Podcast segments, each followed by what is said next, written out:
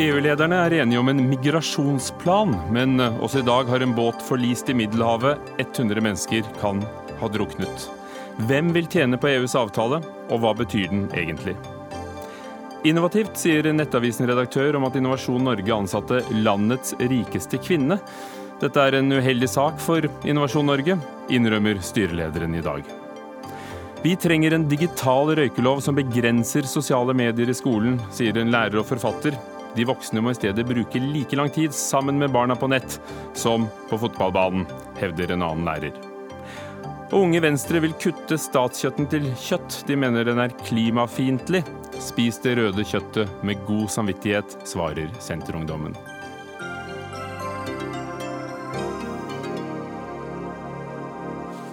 Og alle sitter her klare til å debattere i Dagsnytt 18, i dag med Ugo Fermariello. Velkommen. Samtidig som EU-lederne i Brussel smykker seg med at de i natt ble enige om en tekst om unionens fremtidige migrasjonspolitikk, kom meldingen om at flere enn 100 mennesker fryktes omkommet etter et forlis utenfor kysten av Libya. Spørsmål om migrasjon og båtflyktninger og asylsøkere har vært nærmest altoverskyggende på toppmøtet som foregår i Brussel og åpnet i går. Philip Lote, vår europakorrespondent, hvordan har regjeringssjefen i Brussel omtalt eh, enigheten i dag? De har forsøkt å snakke den opp, de aller fleste av de. Eh, Conte, da Italias nye statsminister, eh, sa at eh, Italia ikke lenger er alene i Europa. altså at Han ønsket å fremstille dette som en seier for han, et gjennombrudd for Italias syn. Og han holdt jo hele toppmøtet som gissel da han sa at hvis ikke Eh, Italia fikk en tekst hvor EU tok et felles ansvar for å omplassere migranter. Eh, så ville han blokkere samtlige vedtak, eh, både de som gjaldt brexit, EUs langtidsbudsjett og eurosonen, på dette møtet. Samtidig så sa jo også de østeuropeiske landene at de ikke ønsket å ta imot noen, så de presset gjennom et krav om frivillighet. Så det gjør at denne avtalen de nå har inngått, bærer veldig preg av å være et kompromiss med blanke felt som nesten er like store som Middelhavet selv. Hmm. Hvilke reaksjoner er kommet fra andre land og institusjoner på, på teksten som kom i natt klokken 4.30? Det er litt blandede reaksjoner. Eh, FN er ikke eh, direkte kritiske, men eh, det er jo snakk om at de skal kunne muligens samarbeide med EU om å opprette disse mottakssentrene utenfor eh, Europa, og eventuelt også samarbeide med de nye mottakssentrene de har tenkt å sette opp i middelhavslandene. Eh, men type Leger uten grenser mener at EU med dette her bare fraskriver seg ansvaret for mennesker som er på vandring, bygger mur mot Afrika og Midtøsten. Og det er jo helt klart at Det EU nå går inn for, er jo en politikk som for noen få år siden eh, ble plassert helt ytterst til høyre, og som eh, ingen ville egentlig snakke om, at det var i strid med menneskesynet i Europa. Nå er dette blitt eh, en slags realpolitikk. Eh, så det er et annet EU, også et EU hvor du ser at tyngdepunktet er, mange medlemsland er flyttet ganske langt til høyre i forhold til hva det var før. Mange har sikkert fått det med seg siden dette kom på nyhetene allerede i dag tidlig, men kan du kort minne oss om hva er det de er blitt enige om? Hva, hva sier disse tre sidene? Ja, det grunnleggende er at eh, de er enige om at eh, de skal ta et felles ansvar for å omplassere eh, migranter og asylsøkere som kommer til Europa. Dvs. Si at de oppretter mottakssentre i randlandene, altså middelhavslandene. Her vil asylsøkere kunne bli forhørt, skrinet, før de sendes videre. Og Så må man da finne land som er villige til å ta imot dem. Hellas, Italia, Spania, frontlandene skal ikke lenger ta så mange som de gjør nå.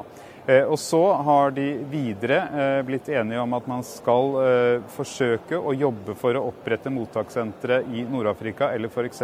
Albania. Dette er det ingen land utenfor EU som foreløpig har sagt at de ønsker å være med på. EU e tror, med bakgrunn fra den avtalen de inngikk med Tyrkia for noen år siden, da de la milliarder av euro på bordet for å stanse flyktningstrømmen som var et resultat av borgerkrigen i Syria, at de betalte Tyrkia for å stenge grensen. De tror at de kan få til noe lignende nå. At dette til syvende og sist blir et spørsmål om forhandlinger og penger. Altså at det er et forretningsmessig aspekt over å få dette på plass. Nå har ikke migrasjon og båtflyktninger vært eh, det eneste temaet på dagsordenen i, i Brussel i dag. Har de rukket noe annet? Eh, migrasjon har ikke vært det eneste temaet, men det har overskygget samtlige tema fra Conte stilte sitt ultimatum, at han satt ville blokkere samtlige vedtak hvis ikke Italia fikk det som de ønsket. Eh, og det gjorde også at brexit, som bare for eh, en måned siden var den saken som alle trodde kom til å dominere dette møtet, eh, ikke ble noe stor sak. Riktignok så fikk eh, Theresa May ganske kraftig refs for at Storbritannia ikke har klare posisjoner og ikke eh, klarer å kommunisere tydelig hva de vil, og at hun bruker like mye tid på å forhandle med både motstandere og tilhengere av brexit hjemme som hun bruker på EU. Det kom, og man er bekymret for utviklingen. Og de 27 gjenværende landene fikk beskjed av Donald Tusk om at de var forberedt på at det kanskje ikke blir noen avtale, altså noen brexit-avtale, at Storbritannia går ut uten avtale. Det eh, var tema på møtet i dag. I tillegg så har de da i eh, diskusjonen om euroen eh, blitt enige om å opprette et, et bufferfond, altså et pengefond som skal kunne gjøre euroen mer robust for å tåle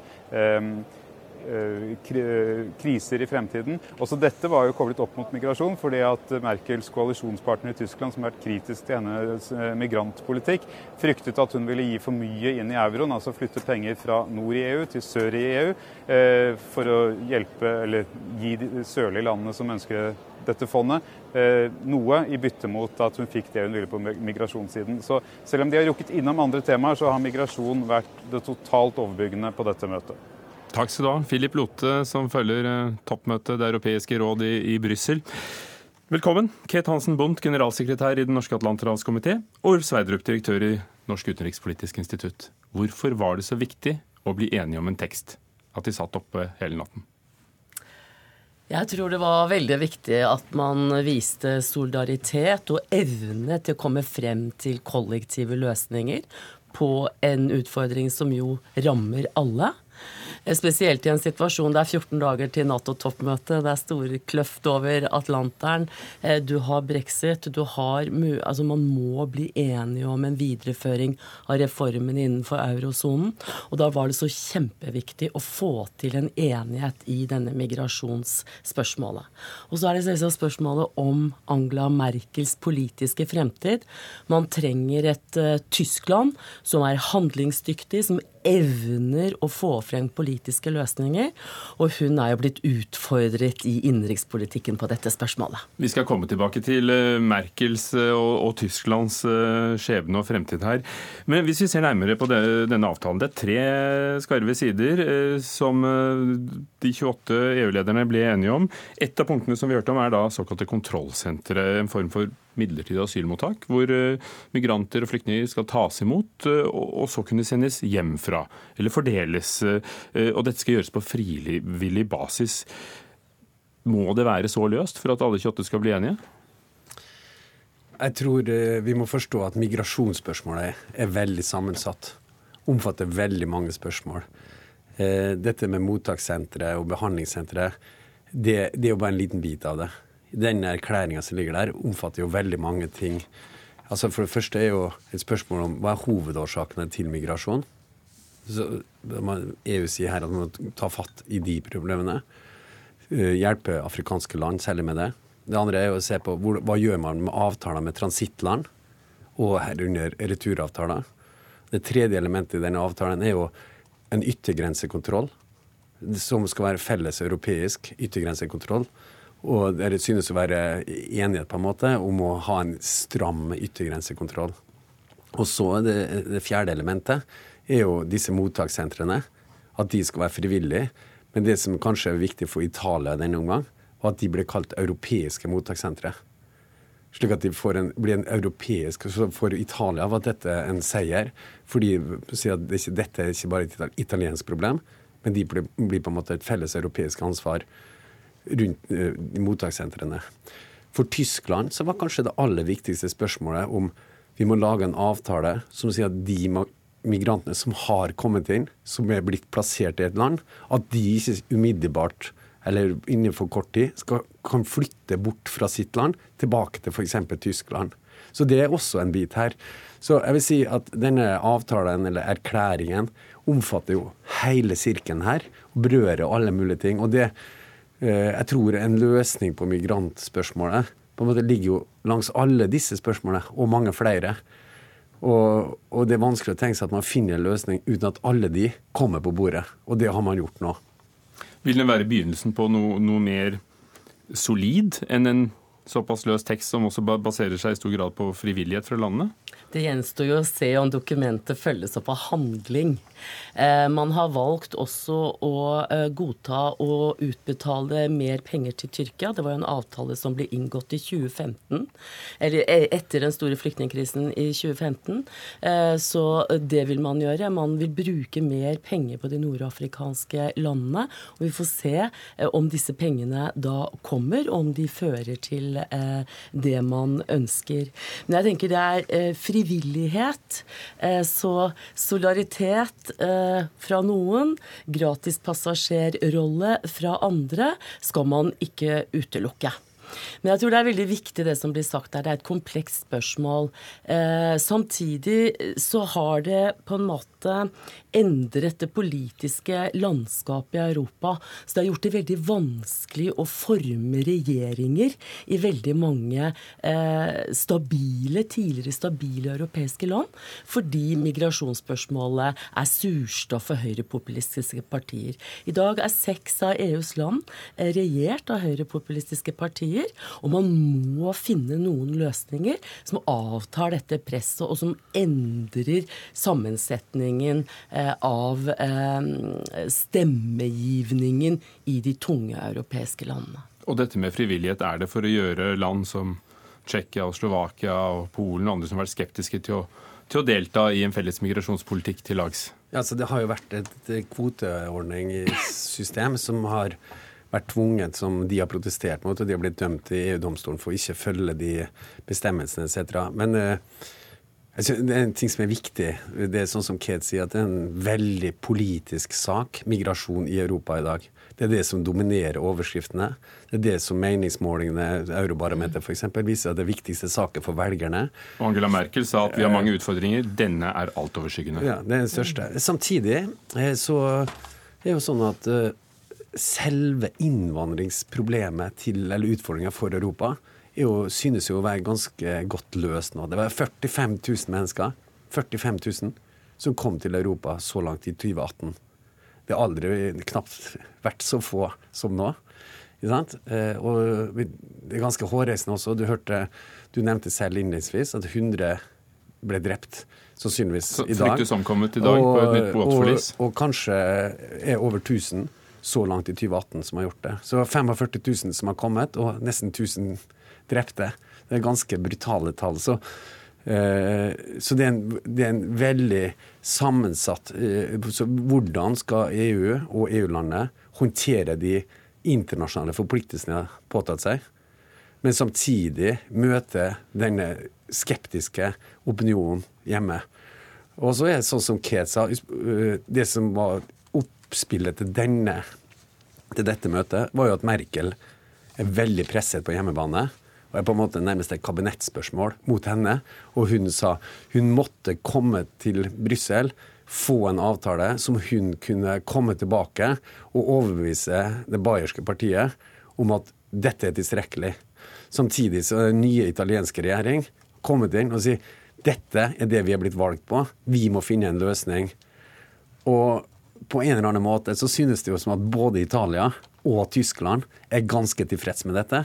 Men hvem er ikke tilfreds i dag? Migrantene. Ja, og en organisasjon som Leger uten grenser som sier at dette ytterligere styrker eh, det de kaller festning i Europa. Ja. Eh, ja. Og man har jo også eh, diskutert at man skal styrke, putte mer penger inn i Frontex, altså det ytre grensevernet for Europa. Så man er jo på vei mot å lage en form for festung av Europa. Men, men, men samtidig er det vel et legitimt anliggende for stater å beskytte sine grenser? Det er et legitimt anliggende å beskytte sine grenser fordi man har et indre marked, Schengen, som man er helt avhengig av at man kan ha fri ferdsel over grensene. Det er jo økonomisk veldig gunstig at Europa som nå akkurat begynner å vokse økonomisk.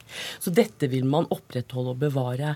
Men det man også må møte, og da må man ha en effektiv ytre eh, grensevern, men det har vært så ujevn fordeling av de migrantene som er kommet. Jeg så en oversikt i dag at Tyskland Tyskland de siste tre årene har tatt imot 1,4 millioner mennesker. Internt i Tyskland så er dette også veldig ujevnt fordelt, fordi at Bayern, som jo har utfordret Merkel, har tatt imot flest fordi de ligger der de ligger. Og siden men, snakker om, ja. ja. Men det neste landet, Frankrike, har tatt imot 450 000. Altså det er én million forskjell nesten. Man må få til en omfordeling fordi det er store integrasjonsutfordringer i Europa som velgerne reagerer på. Vil de få afrikanske land med seg på å, å samarbeide om å holde tilbake flyktninger? Det har vært lansert en, en slags eh, ilandsettingsplattformer, er det blir kalt. Altså sentre i Nord-Afrika hvor, hvor, folk skal kunne sendes tilbake. Vil de få med seg noen på det?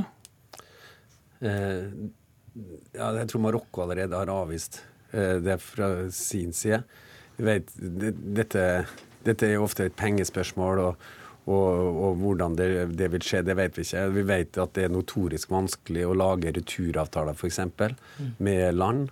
Så, eh, nei, så dette er som sagt, det er veldig vanskelig. Jeg tror vi lever i en tid der demografiske utviklinger i Afrika nest, i dette århundret kommer til å endre seg dramatisk. Europa er omkransa av sårbare stater, økonomiske flyktninger som ønsker å søke et bedre liv, og mange av de søker mot Europa. Så, og det som jeg tror var et uttrykk for møtet i dag, eh, eller i natt, var at eh, Europa, dette er et felles europeisk problem. Og det å løse dette alene, det er veldig vanskelig. Og hvor viktig, siden vi snakket om Tyskland, Kete Hansen Bundt, er Tyskland for EUs migrasjonspolitikk migrasjonspolitikk å, få med seg Tyskland, og at Tyskland er om bord? Jo, det er klart. altså Tyskland som det største og rikeste landet i EU, eh, og som har en egeninteresse i at EU opprettholdes fordi Tyskland pga. sin historie trenger multilaterale organisasjoner å jobbe igjennom, eh, så er det kjempeviktig fordi det er en viktig drivkraft. Eh, men eh, jeg tenker at eh, en Merkel som har vært veldig svekket det siste halvåret, etter valget, fordi det tok lang tid å få en regjering på plass, har blitt utfordret internt. Og hun har reist litt kjerringa i natt, tror jeg. Altså, det ble godt tatt imot i tysk presse, og det er viktig i tysk innenrikspolitikk, hvor du for første gang siden annen verdenskrig har fått et høyrepopulistisk parti som tok 12,6% av stemmene, og gjorde det veldig vanskelig å lage en regjering. Om hun vil kanskje ikke igjen tørre å, å ønske så mange velkommen? Nei, og Michael har jo strammet igjen innvandringspolitikken. Hun godtok 62 av Horst Seehofers 63 punkter. Så det var ett punkt som på en måte har gjort at hun nå har stått og vaklet litt forut for dette toppmøtet. Og så har hun jo da fått med seg i dag Spania og Hellas har sagt offisielt at de vil ta tilbake eh, migranter, flyktninger, asylsøkere som er kommet eh, til Tyskland. Når tror dere vi har et fullstendig avtaleverk på plass da? At eh, statene klarer å bli enige om handling og gjøre disse ordene som de kom frem i natt til avtale like solide som Dublin og Schengen? De er jo ikke så veldig Altså, det ligger jo i dette vedtaket. Er de kanskje mer solide etter dette som nei, kom i natt? Nei, nei, altså det man er blitt enige om, er jo faktisk at det, det, systemet man har i dag, ikke fungerer. Så man skal gå inn og se på hvordan For det er mange lovmessige, eh, regulatoriske asymmetrier i systemet som bør korrigeres. Eh, kan jeg bare si én ting til slutt? Og det er at dette er veldig viktig også for Norge.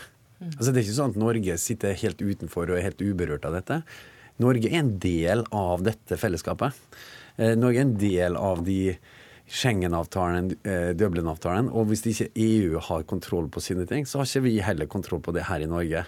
Så, så, så du snakker om en vinner, på en måte. Så er jo de som har også vært opptatt av å begrense innvandring, eller regulere innvandring til Norge, vil jo vinne, være vinnerne på den avtalen som skjedde i natt. Så vil Schengen-avtalen som sikrer åpne grenser i Europa, og Dublin-avtalen om, om uh, hvordan asylsøkere mottas, vil de, vil de stå seg? Nå, det avhenger helt av om denne avtaleteksten som ble utformet i natt og presentert i dag morges, fylles med reelt innhold. Handling, aksjon. Takk skal dere ha. Ket Hansen Bundt ved Den norske atlanterhavskomiteen, Ulf Sverdrup, Norsk utenrikspolitisk institutt. Dagsnytt 18 alle hverdager kl 18.00 på NRK P2 og NRK2.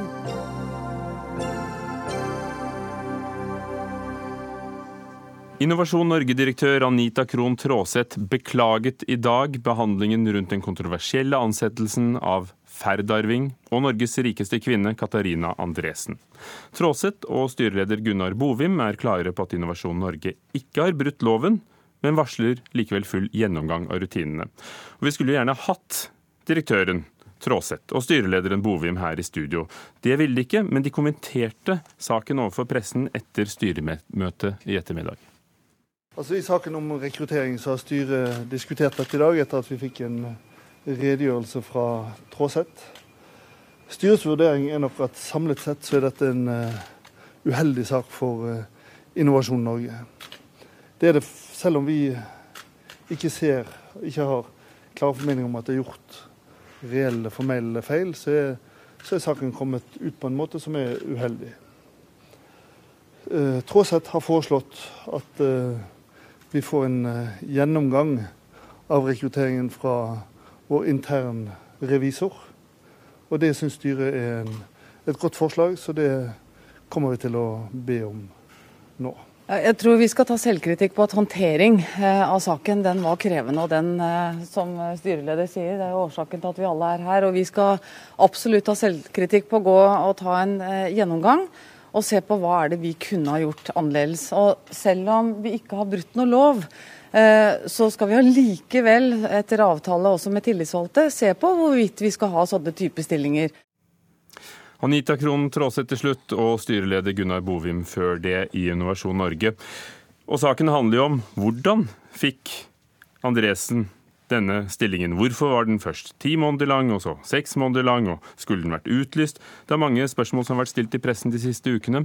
Gunnar Stavrum, sjefredaktør og direktør i Nettavisen. Hvor alvorlig synes du denne saken er for Anita Krohn Traaseth og, og Innovasjon Norge? Altså, det er jo ikke noe tvil om at det er en uheldig sak, og at det også er en ripe i lakken for Anita Krohn Traaseth. Den er ikke alvorlig nok til at hun eh, på en måte mister jobben, men den svekker hennes eh, tillit, og den setter litt spørsmålstegn ved, ved dømmekraften hennes når hun kan gå inn og egentlig medvirke til en såpass rotete ansettelse som dette. Vi kommer tilbake til deg, men først Tor Arne Vullum, arbeidsrettsekspert og partneradvokat i firmaet SPDL. E24 brakte i dag en sak hvor de hadde fått innsitt i, i mye materiale med telefonmeldinger og e-poster mellom Katarina Andresen og Innovasjon Norge, og interne e-poster i personalavdelingen deres. Du har sett på den. Hvilket inntrykk sitter du igjen med? Altså, du kan si det, det, generelle inntrykket man sitter igjen med etter å ha lest eh, Jeg har ikke lest alt, men jeg har lest noen e-poster. i hvert fall, og Det er nok at eh, det er vanskelig eh, å se, se den anførselen som Innovasjon Norge har, nemlig at det har oppstått et uforutsett behov. Et uforutsett og akutt behov. Det den begrunnelsen lar seg ikke lett forene eh, med det man kan eh, ekstrahere ut av disse e-postene. I første omgang tilbyr Innovasjon Norge en stilling i ti måneder. og, og hva betyr det når du snakker om et statlig, statlig, selskap og de prosedyrene de skal følge? Det betyr i utgangspunktet at stillinga skal utlyses. Ja. Mm, eksternt. Eh, så endret de det slik at varigheten blir satt til seks måneder. Hvor kan man bare gjøre det? Hva, hva kan det skyldes? Ja, altså det, det, er jo lett igjen her å se at eh, det opprinnelig var et behov for ti måneder. Det fremgår vel også av disse e-postene som vi har fått tilgang til i dag. Det er klart det at Når man da justerer det ned til seks måneder, så er det jo relativt lett å se for seg at det kan ha vært i omgåelsesøyemed. Altså for å unngå å måtte utlyse dette eksternt. Men hvis lederskapet på høyeste nivå i Innovasjon Norge synes det er en god idé at uh, en arving til en av Norges største formuer og da en ung investor eh, får litt praksis, og, og, kanskje det er noe begge kan lære av. Hvorfor er det så viktig å ha en sånn regel om at administrative stillinger i staten skal utlyses? Ja, altså Hovedregelen er ekstern utlysning. og Den har uh, egentlig sikkert flere hovedhensyn, men i hvert fall to. Det ene er jo at uh, statens eller skattebetalernes penger skal uh, optimaliseres. altså De skal brukes så godt som mulig. Eh, det andre, og det er kanskje vel så viktig, er dette med tillit. Altså Vi må ha tillit til at offentlig myndighet farer ordentlig av sted. Altså Den tilliten, og det er vel også Gunnar Stavrum litt inne på her, tilliten det er kanskje det som er det største problemet her. Altså Det er lettere å se for seg at man at, altså at, interne ansettelser som ikke utlyses Ord som kameraderi har vært brukt i denne saken fra enkelte. Det er jo lettere at det kan skje når stillinger ikke mm. utlyses eksternt. Men kan vi klandre Katarina Andresen i noe her, som ser opp til Tråseth som et lederforbilde og har uttrykt ønske om å få praksis? Nei, jeg syns ikke det. Det er veldig vanskelig å kritisere henne for noe. Hun vil inn her og få en fot innenfor, og det kan man selvfølgelig skjønne. Så jeg vil være forsiktig med å kritisere henne. Takk skal du ha, Tor Arne Vullum. Gunnar Stavrum, fortsatt sjefredaktør i Nettavisen. Du har kalt dette innovativt, og det er vel det Innovasjon Norge skal drive med, men, men du legger kanskje noe positivt i det? Hvordan? Jeg la jo til at det var innovativt, men ikke smart. Eh, det innovative, Hvis en ser bort fra de formalitetene og de tingene som advokaten akkurat var innom nå, så kan man si at det er jo gunstig at en arving til et, eh, et, milliardkonsern, som jo driver med innovasjon, faktisk får et kjennskap til hva Innovasjon Norge driver med. Sånn at eh, det er jo begrensa penger det er snakk om, denne seksmånedersvikariatet. Sånn at, sånn jeg tror nok liksom at samfunnets midler har vært brukt på atskillig verre måter enn akkurat dette.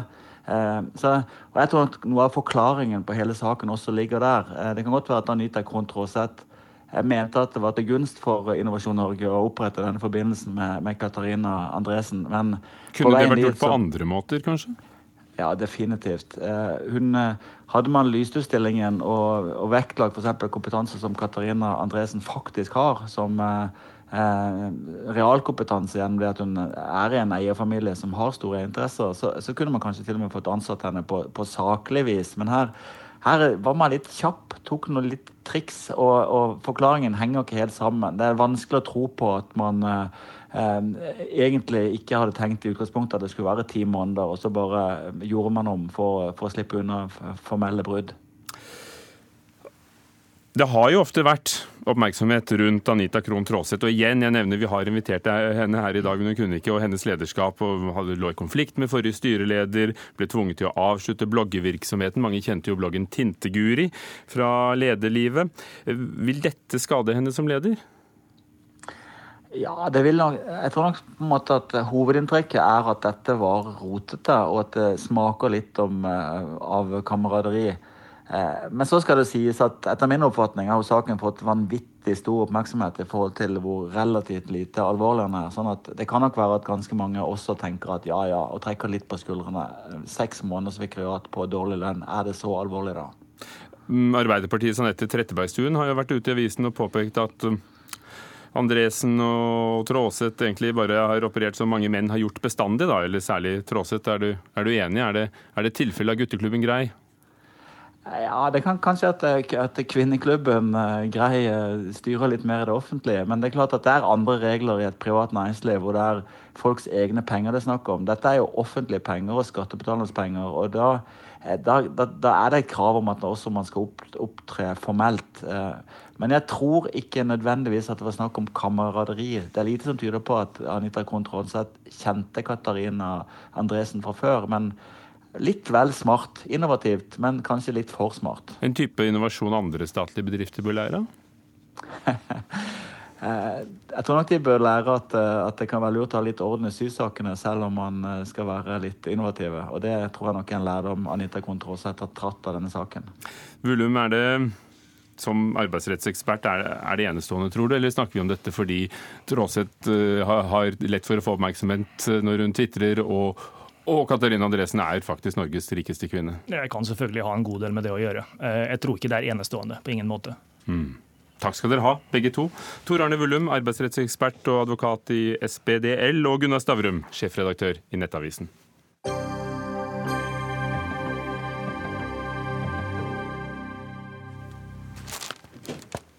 Aftenposten hører vi her.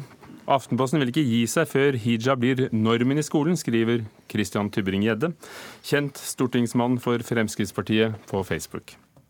Dette skriver han om lederen i onsdagens utgave av avisen. Der tar eh, de til orde for at hijab i barneskolen ikke bør forbys, og Tybring-Gjedde oppfordrer til boikott av avisen. Aller først, Trine Eilertsen, politisk redaktør i Aftenposten.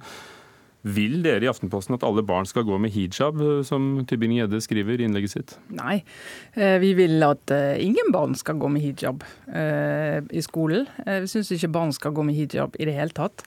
Men det denne lederen drøfter, og det vi ønsker å diskutere, det er hvordan du skal få møte det som mange mener er et problem med hijab, også Aftenposten. Og da mener vi at forbud er veien å gå. Kristian Tybring-Gjedde, stortingsrepresentant. Da, da er du enig i saken, at eh, barn ikke bør gå med hijab på skolen? Erfaring har vist at eh, det å oppfordre til eller tro at det miljøet vi snakker om her kommer til å la være å sette hijab på sine barn, at det kommer til å opphøre seg selv. Det har vært en klassisk Aftenposten-strategi veldig lenge. Eh, og det har vist seg at det ikke fungerer. Det ser vi over hele Europa, at det tiltar. Nemlig at eh, små jenteunger, dersom det ikke forbys, tar på seg hijab. Og det er selvfølgelig fedrene som bestemmer det. Det er jo ikke noe man velger selv når man er seks år gammel.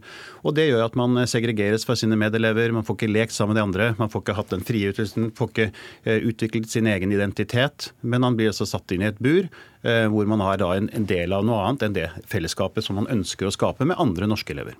Er du enig Ellersen, at det er effekten av hijab eh, for barn?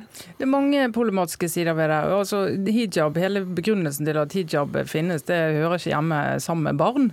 Eh, og Det er lett å forstå hvorfor noen omtaler det som, som et, eh, en seksualisering av barn, som er helt urimelig.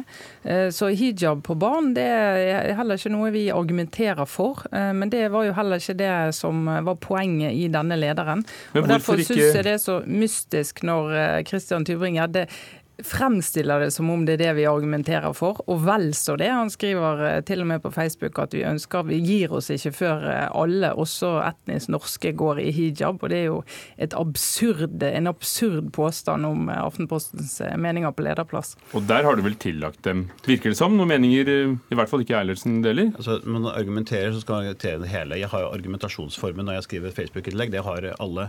Det er ikke sånn at Aftenposten ønsker at alle skal gå med hijab, men konsekvensen av det i visse deler av eh, Oslo og andre steder, Drammen og Kristiansand, hvor det er en stort andel eh, innvandrere i skolen, skolealder, og kanskje et flertall av eh, elevene der og jenteelevene der går etter hvert med hijab, så er det klart at det å være et mindretall, altså et norsk mindretall dette, så vil det også være et press for dem til å, til å gå med barnehijab. F.eks. som jeg har sett i Frankrike, hvor du har skoler hvor da franske jenter har konvertert til islam for å slippe mobbing. Og Det mener jeg er såpass alvorlig. og det er klart at Når du tillater det for da, muslimer å gå med hijab og barnehijab, så vil dette spre seg, så ikke så man føler at man er en del av et fellesskap. Istedenfor å gjøre det motsatt, hvor man har den friheten og identiteten som man kan lage et fellesskap uten å sette restriksjoner og putte barnet under form på barn. Og Tror du ikke de barna som blir tvunget til å gå med hijab, kunne følt det som en befrielse? At, at, hvorfor er ikke forbud veien å gå? Jo, altså, vi, vi, argumenterer mot forbud fordi vi tror du må prøve, prøve, andre ting før. Vi skal ha en veldig veldig høy terskel før vi innfører forbud i et samfunn som vårt. Eh, det skal være siste utvei. Da skal du vite at alt annet er prøvd. Alle mulige former for eh, påvirkning og dialog. og alle mulige former som, som går før forbud. Så hvordan, eh, men, men poenget, hvis poenget, dette fortsatt finnes? Ja. Hvilke metoder vil da virke, tror du? Tybring-Gjedde tror ikke at de metodene du foreslår, virker? Nei, altså det kan godt hende han, eh, han, eh, han, må få lov å mene det, men det er ikke poenget. Poenget er at vi har en stortingsrepresentant som oppfordrer til boikott av Aftenposten på grunnlag av en gjengivelse av vår leder som ikke er riktig. For det er jo ikke det han holder på med, å argumentere mot vårt standpunkt i lederen. Det han det han argumenterer mot, det er for det første noe vi ikke mener. Og for det andre så mener han at de som er uenige med det, de skal boikotte Aftenposten. Noe jeg syns er pussig for en mann som ellers mener å kjempe for vestlige liberale verdier. En av de aller viktigste vestlige liberale verdiene er at vi møter hverandre med argumenter om den saken vi faktisk diskuterer, ikke om en annen sak. Og at vi eh, ikke eh, skal sjalte vekk de som mener mener noe annet enn oss og boikotte de eller legge de et annet sted. Vi skal diskutere det på de samme arenaene.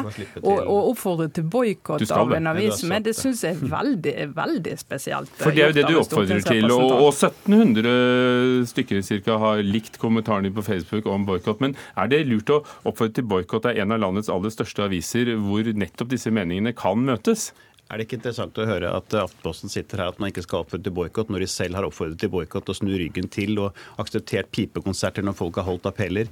Eh, Aftenposten har vært en fremste representant for å si at man skal snu ryggen til eh, når man Hva møter tenker opp. du på da? Ja, F.eks. når det har vært appeller som er holdt av ekstremister, så har de sagt snu ryggen til. Og Jeg sier ikke at Aftenposten skal forbys, selvsagt skal den ikke det. De kan ytre akkurat hva de vil. Men mine følgere på Facebook mener jeg ikke bør ta lærdom av det Aftenposten gjør, nemlig noe som vil skade Norge. Skape, men- slitte, nei, men nå må jeg snakke ferdig. Slippe de totalitære kreftene fri i det norske samfunnet. Og vi bruker lovforbud mot antisemittisme eller, eller eh, diskriminering av homofile eller etnisitet eller rasisme eller hva som helst. Men akkurat her vil ikke Aftenposten bruke forbud. og Det mener jeg er en veldig gal strategi og er veldig, veldig skadelig for utviklingen i det norske samfunnet. Og jeg ønsker ikke å oppfordre at mine eh, Facebook-følgere skal ta Aftenposten. Aftenposten bør ta lærdom. Dere er akkurat forrige århundres eh, nyhetskanal. Dere må ta inn over dere at vi lever nå i 2018, og fremover ser vi mørke krefter i Europa. Og dere blir en representant og forsvarer av det. Men dette har du fri Du har fått alle muligheter, og får det fremdeles, til å debattere det på våre sider. Vi ønsker at folk skal få høre og lese også dine standpunkter. Vi ville aldri drømme om å oppfordre til boikott av deg og dine standpunkter her vi sitter nå, f.eks., eller på våre sider. Er Du er hjertelig velkommen. Eh, Men jeg syns jo det er merkelig når du prøver å argumentere for vestlige liberale verdier, og så er svaret ditt boikott. Det er det ene svaret. Det andre er å gjengi motstanderen eh, på en eh, feil måte. På en, det, du skaper fake news, som er et veldig populært begrep, ut av din Facebook-post. Det ser jeg i kommentarfeltet, så du ikke går inn og korrigerer. At dine følgere de tror faktisk at Aftenposten mener at barn bør gå med hijab i skolen. og, det, og det er en falsk gjengivelse. Og hvis målet ditt er at vi ikke skal få et polarisert samfunn som er slippe til, som er splittet, så må du, så må du være ærlig i argumentasjonen din. Og det du holder på med nå, det er ikke redelig.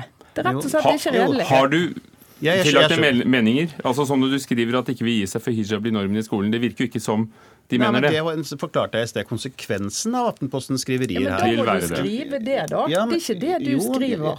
Er Du det- de- skriver de vil at ikke gi seg. Aftenposten gir seg Nei, ikke men Det er før en alle går med konsekvens av det hijab i skolen. den, den politikken dere står for. Jo, Det, det er det ikke. Det er feil. Et lite øyeblikk. Det har blitt forbudt i andre land i Europa. Det virker som dette er en ekstrem holdning. Det er faktisk ikke det. det dere Vi har legger ikke omtalt det som en ekstrem Nei, holdning. men ja, Veldig mange i Norge mange har omtalt ønsker- det som en ekstrem holdning. mange i Norge helt- ønsker, men Hvis jeg kan få snakke ferdig men vi gjør ikke det. Kan jeg vær snill få snakke ferdig? Dere mener altså et lovforbud ikke er veien å gå mot noe dere er imot. Men dere andre områder i samfunnet så mener dere lovforbud er veien å gå. Når dere er imot. Når jeg sier at konsekvensen av det dere gjør, nemlig ikke ha lovforbud, vil være at flere eh, unge jenter i sexårsalderen vil bruke hijab pga. fedrenes press. Og den dagen det skjer, så vil også andre etniske norske føle seg utenfor dette fellesskapet, som får en konsekvens at flere bruker hijab, kanskje alle. Hva sier Aftenposten da? Da er det for sent med et lovbrudd, eller et lovforbud. Og, og, og hvis du ikke ser, ser rundt deg i Sverige, så ser du tendenser som er mye verre enn i Norge. I Danmark ser du verre tendenser. Hele Europa er det en totalitær ideologi, nemlig islamismen, som brer om seg. Da må også Aftenposten ta ansvar som en stor avis, og ikke skylde på budbringeren. Aftenposten selv ta ansvar og foreslå det som er Men- viktig. Men problemet med din måte å argumentere på, det er at du sier boikott Aftenposten. Da vet du at du kommer bl.a. i dette studioet her, at det er en veldig pussig ting å si for en stortingsrepresentant. Og så skal du debattere saken. Men det er ikke det du gjør i det innlegget. Du debatterer ikke saken. Du, du, du gir inntrykk av at vi mener noe annet enn det vi gjør. Og det er ikke redelig. Og det er sånn vi skaper splid. Dere er mot lovforbud, er ikke det? Det er sånn vi skaper splid, det er sånn vi skaper polarisering. At vi Er gjengir dere mot hverandres lovforbud? Ja, vi er mot og det var det jeg skrev. Og mye annet, Nei, skrev du. Du tilla oss konsekvensen av å standpunkter vi ikke har. Konsekvensen av ikke å ha lovforbud er at det vil spres over Og- hele og du Europa. kan- Og dere er talspersoner, eller ubevisste talspersoner, ureflekterte talspersoner over de mørke kreftene i Europa. Og dere Christian kommer til å stikke Tybring-Gjedde. i dere før det kommer flere som bruker barnehijab. Trine Eilertsen, I gamle dager fikk vi ikke ha toppluer på inne i klasserommet. I Frankrike er religiøse symboler forbudt i, i, i skolen. 1700 cirka har likt uh, Tybring-Gjeddes innlegg. Kunne det tenkes at det er en, en vei å gå også? Når vi går tilbake til selve saken, om et lovforbud er må, veien mot det målet du også deler, at barn ikke skal møtte, måtte gå med hijab? Ja, altså en av grunnene til at 1700 likte innlegget, det er jo at han skaper inntrykk av at vi argumenterer for at alle skal gå med hijab i skolen, som jo er eh, helt merkelig. Ja, er merkelig, Eh, og, da, og hvis vi hadde gjort det, så skjønner jeg jo at folk blir, eh, blir opprørt, men det har vi ikke gjort, og vi har ikke argumentert for det. Det skulle, det skulle tatt seg nydelig ut. Men- men- men, men, men, men, men det å diskutere forbud, det, det er en interessant diskusjon, og det gjør vi gjerne, men poenget her er at han drar diskusjonen et helt annet da? Sted enn der han skal være. Du oppfordrer jo også ikke bare til boikott av Aftenposten, men til det du kaller MSM, altså mainstream media, etablerte medier. Hvor skal vi da sitte og snakke som dette, hvis ikke Aftenposten eller Dagbladet eller dette her f.eks er et sted å møtes. Det er jo klassisk at Dagbladet støttet Aftenposten, og VG støtter dem sikkert også. Skal alle boikottes? Eh, alle de avisene i Norge, de, de mainstream media som jeg kaller det, hovedetablerte mediene, mener nøyaktig det samme om veldig kontroversielle spørsmål. Og når du snakker om boikott, se på Aftenposten og de mainstream media. De boikotter selv de uoriginale mediene, de som kommer nå, som Resett og HRS. Eh, jeg hører aldri de representert, verken her eller eh, og i dine spalter. Det er ikke riktig. Det er generelt grunnlag at de ikke kommer til til gjorde. Du kan spørre jeg tror vi skjønte hvorfor du ønsker boikott. Har du lest Aftenposten i dag? jeg har lest Aftenposten i dag. Du har det, ja. Så den boikotten varte ikke så lenge? Jeg har ikke sagt at du, at du, kan lese Aftenposten. Vær litt seriøs her. Det som jeg er opptatt av, er at Aftenposten nå tar seg sammen og ikke er forrige århundres avis, men ser fremover og ser de mørke skyene som er over Europa, og ikke tror at du kan løse morgendagens problemer med gårsdagens holdninger. Veldig kort sluttkommentar, Trine Eilertsen. Mm. Nei, altså, jeg, jeg, er helt enig i at vi skal ta radikalisering, islamisme, alt dette på alvor. Det skal vi gjøre. Vi skal diskutere og undersøke hva som fungerer. Men forbud, det er ikke første løsning. Det er langt ned i løypen. Trine Eilertsen, politisk redaktør i Aftenposten. Kristian Tybring-Gjedde fra Fremskrittspartiet, takk.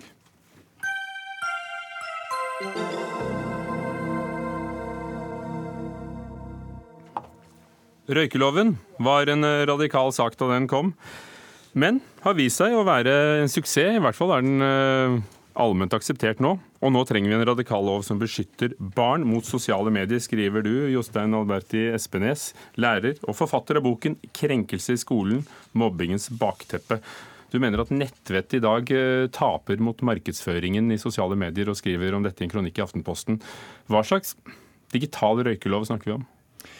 Ja, nå snakker ikke jeg først og fremst om en digital røykelov. Det med røykeloven som en radikal lov var for å si noe om eh, behovet for å tenke radikalt annerledes nå. Vi har, eh, Hvis vi ser bort fra akkurat røykeloven, så har vi vært gjennom en ganske radikal endring for eh, veldig få år siden. Hvor, eh, hvor eh, vi i dag har sosiale medier, eh, applikasjoner til, eh, til PC-er og, og spesielt smarttelefoner. De er overalt. De er overalt. Også for det, barn som går på skolen. Yes. og det er kommet for å bli, og det er det ikke noe tvil om. og det er veldig mye fint med det.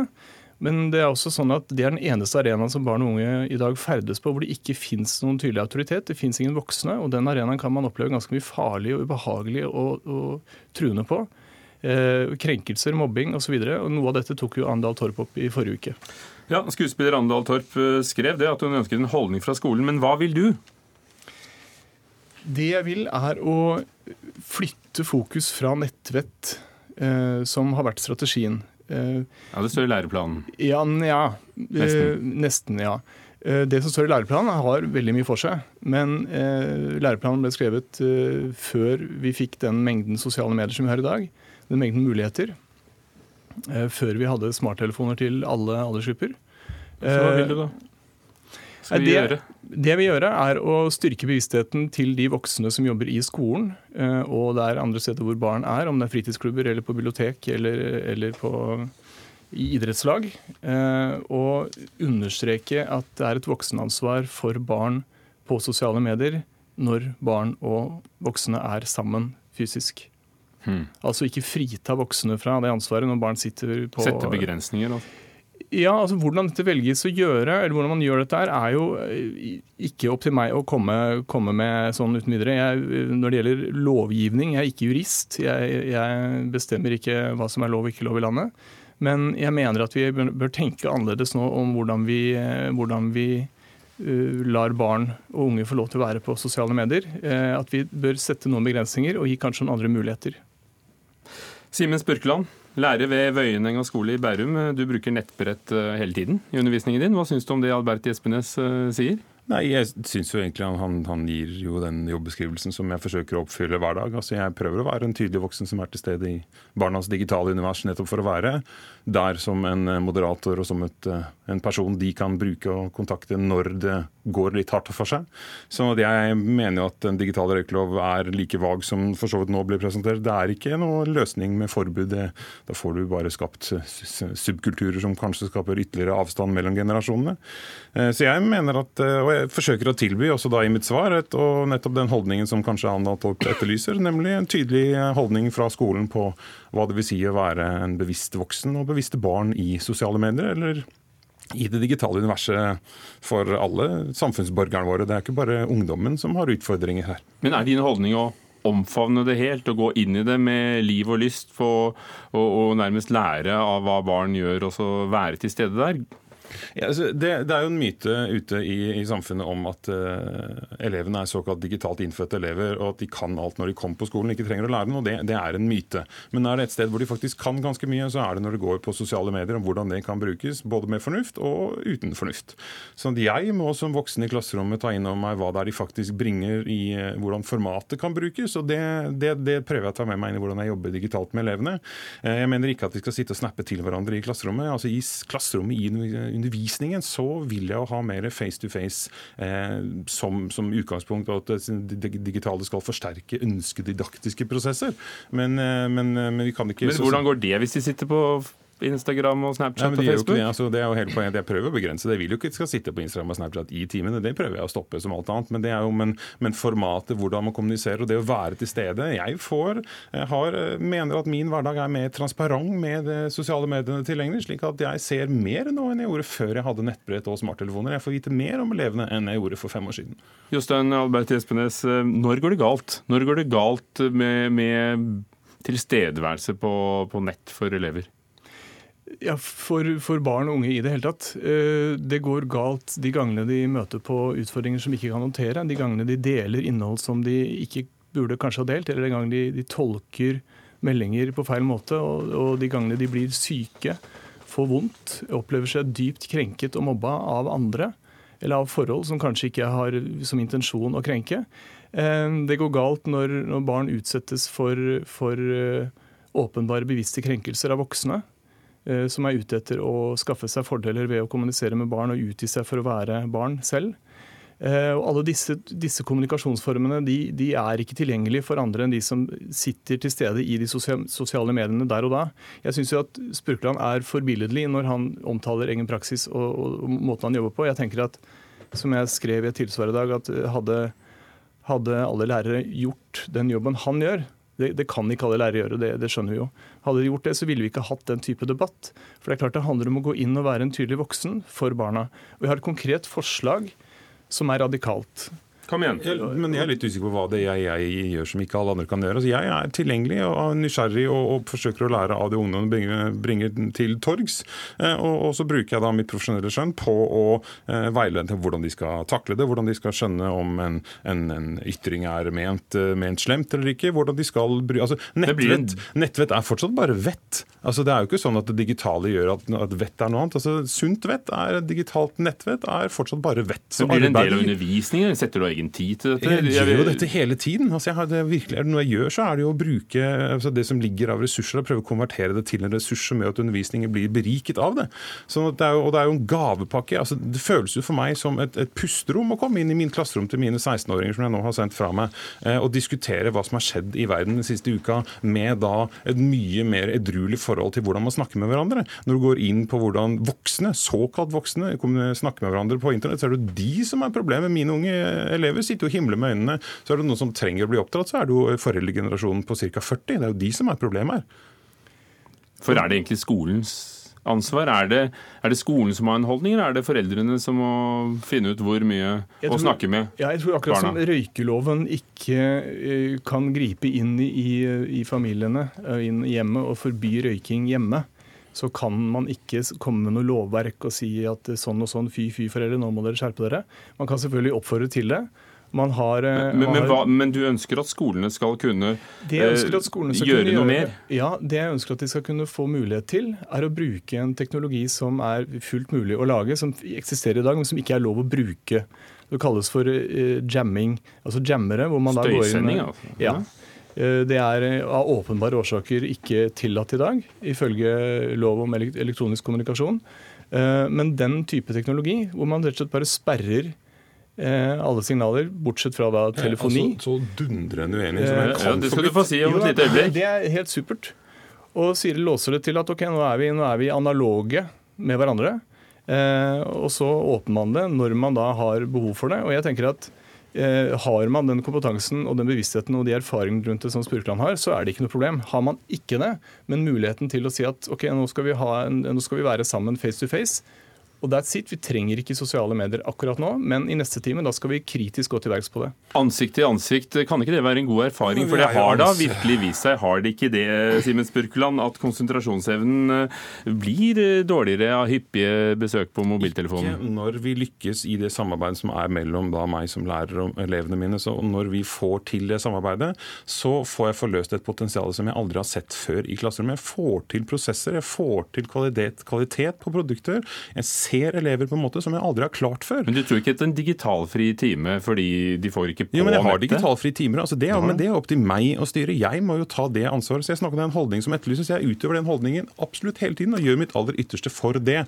Så det å ta, altså Her er voksne som ikke helt skjønner hvordan ungdom bruker, det, som prøver å styre et, et, en diskurs og paradigme de ikke helt forstår. Og da går det gærent. Og hvis, nok en gang, hvis alle hadde gjort som, som Spurkland, så hadde det ikke vært noe problem. Men det er noe å treffe alle de andre voksne rundt omkring i Skole-Norge og hjemme, og styrke bevisstheten Men om f.eks. Kunne disse vi tingene. truffet dem uten å jamme internettsignalene i luften? Ja, Vi har forsøkt ganske lenge med nettvett, hvor vi da adresserer barn og unge istedenfor å adressere voksnes nettvett. Kanskje man skulle endre det til voksnes nettvett, i stedet for å hele tiden mase om at unger sjøl skal lære seg å opptre smart på nett. Det er et godt sted å starte. Dere må kanskje øve litt. Dere spilte pedagogisk rockeband sammen. Eh, Her er det ikke helt i samme toneart, tydeligvis. Nei, nå skal vi til jamme. Simen Spurkland, lærer i Bærum, og forfatter og lærer Jostein Alberti Espenes. Takk for at dere kom til Dagsnytt 18. Hør Dagsnytt 18 når du vil. Radio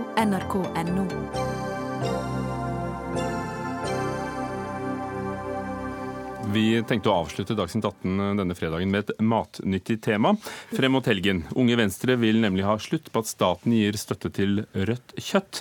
Dette er klimafiendtlig og er ikke nyskapende. Det har du sagt til eh, avisen Nasjonen. Sondre Hansmark, leder i Unge Venstre. Spiser du kjøtt? Jeg spiser kjøtt, og det kommer jeg forhåpentligvis til å gjøre i eh, ganske mange år framover også. Spesielt om dette forslaget får støtte fra både regjering og mitt eget parti. For det er ingen tvil om at rødt kjøtt har et høyt CO2-avtrykk. For dette er da en eh, prisstøtte. Landbruksdepartementet sier ifølge Nasjonen at halvannen milliard kroner gikk til det i fjor. Dere ønsker noe mer. Dere vil gi det til forskning og utvikling av dyrket kjøtt, laboratoriekjøtt, prøverørskjøtt, eller det som industrien nå selv kaller rent kjøtt. Er, det, er det sånn dyrket hamburger du vil spise da i fremtiden? Ja, helst det. fordi at eh, som du er inne på, så bruker jo staten 1500 millioner kroner på å sponse at det norske bønder skal produsere rødt kjøtt. Og jeg synes det er litt merkelig at vi bruker så mye penger på å produsere noe som er så klimafiendtlig.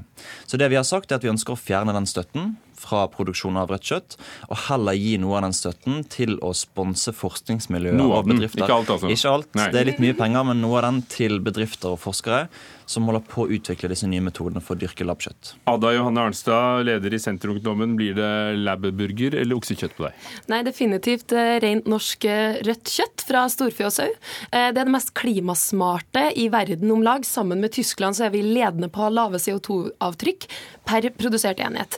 Mens jeg reagerer jo veldig kraftig når jeg hører unge venstrelederen snakke om at det her er så ekstremt klimafiendtlig. Altså Jordbruket og kjøttproduksjon det har vært en del av vår historie, altså 10 000 år med historie, å produsere mat.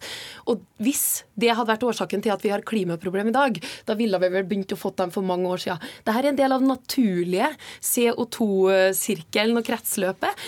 Og man kan ikke løse verdens klimaproblemer gjennom å høgne på eh, norsk kjøtt. Hvor klimafiendtlig er kjøtt, mener du? Men Senterungdommen vet jo godt at det ikke er norsk kjøttproduksjon alene som gjør at vi har et globalt klimaproblem, men det er en del av det kakestykket som, som utgjør de globale klimagassutslippene. Her i Norge så står eh, norsk eh, landbruk altså landbruk står for omtrent 8 av norske klimagassutslipp, mens globalt så gjør husdyrhold eh, omtrent, det utgjør omtrent 15% av de globale utslippene.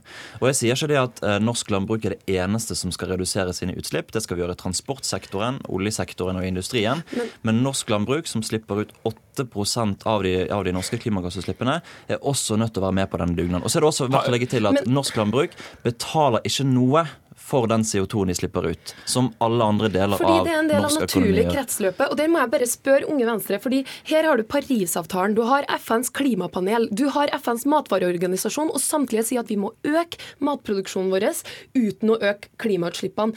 Er da riktig løsning å gå frem på er å straffe det mest klimasmarte jordbruket vi har i verden? Men dette er jo et kjempegodt argument for hvorfor vi skal dyrke kjøtt istedenfor å, i for å bruke masse areal på eller er det et liberalt standpunkt på at vi ikke skal subsidiere landbruket? At folk får betale det kjøttet vil koste? Det er det jo også. Jeg skulle ønske vi hadde en større markedsstyring av den norske bonden og norsk matjord. og Er det norsk- her er norsk uenige produksjon. i Men dette, dette er et klimaspørsmål for vår del. For vi nødt til å Vi er uenige i veldig mye, høres det opplag, men altså, jeg mener at vi skal være stolt over norsk kjøttproduksjon fordi den er klimasmart, fordi vi klarer å Hva ligger i klimasmart? Det er et smart ord, men hva ligger i klimasmart? Klimasmart betyr at vi produserer Per enhet med mat så har vi lave CO2-utslipp sammenlignet med resten av verden. Vi har halvparten av CO2-utslippene som Når verdensgjennomsnittet det har. gjelder rødt kjøtt. Mens, ja, og mens den maten vi importerer, for vi importerer jo tross alt kjøtt i dag òg, Mm. halvparten av det vi importerer, kommer fra land som har firegangen av utslipp i sin kjøttproduksjon enn det Norge har. Og det er før man kalkulerer transport. Så jeg skjønner ikke hvordan Venstre får det her til å være et godt klimatiltak. Jeg syns det høres ut som det er dårlig for norsk verdiskapning, dårlig for klima og dårlig for dyrevelferd. For dette med dyrket kjøtt, altså laboratoriekjøtt, det er ikke rett rundt hjørnet. Det er ikke rett rundt hjørnet. De har eh, klart det bl.a. i Nederland og Storbritannia, men problemet er første burgeren ble servert i 2013 i London. Ja. Den kostet 2,2 millioner Det var det jeg skulle inn på. Den er fryktelig dyr nå. og Derfor er vi nødt til å sponse disse produktene med litt penger, sånn at vi får ned kostnadene hvis vi skal forske mer på å dyrke labbkjøtt. Men jeg må jo si at det er merkelig når Senterungdommen bruker FNs klimapanel som et argument for at vi skal produsere mer kjøtt i Norge. Det er helt riktig at vi må ha mer mat i verden, men da er det snakk om korn, det er snakk om vegetabilsk mat. Og ikke minst, dette kan være et stort konkurransefortrinn for Norge. Om vi klarer å finne metoder som gjør at vi kan dyrke kjøtt på en mer klimavennlig måte, som har lite antibiotika, som har flere vitaminer i seg, og som ikke slipper ut noen CO2-utslipp. Jeg skulle gjerne tatt med unge venstrelederen på naturfagsteamet, fordi her er det veldig mye som ikke stemmer overens. Altså, Jordbruket er en del av det naturlige kretsløpet av CO2. Det er en del av å lagre CO2. Dette er en del av fremtidens klimaløsning, og det er derfor Parisavtalen er så tydelig på at vi må løse klimautfordringene, men uten at det går på bekostning av økt matproduksjon. Hvis rødt kjøtt fortsatt er noe av det som slipper ut mest i, jordbruket, altså og alle frem dyr, eh, så kunne det kanskje være en idé å kutte ut subsidiene til det, slik at vi spiser mindre av det?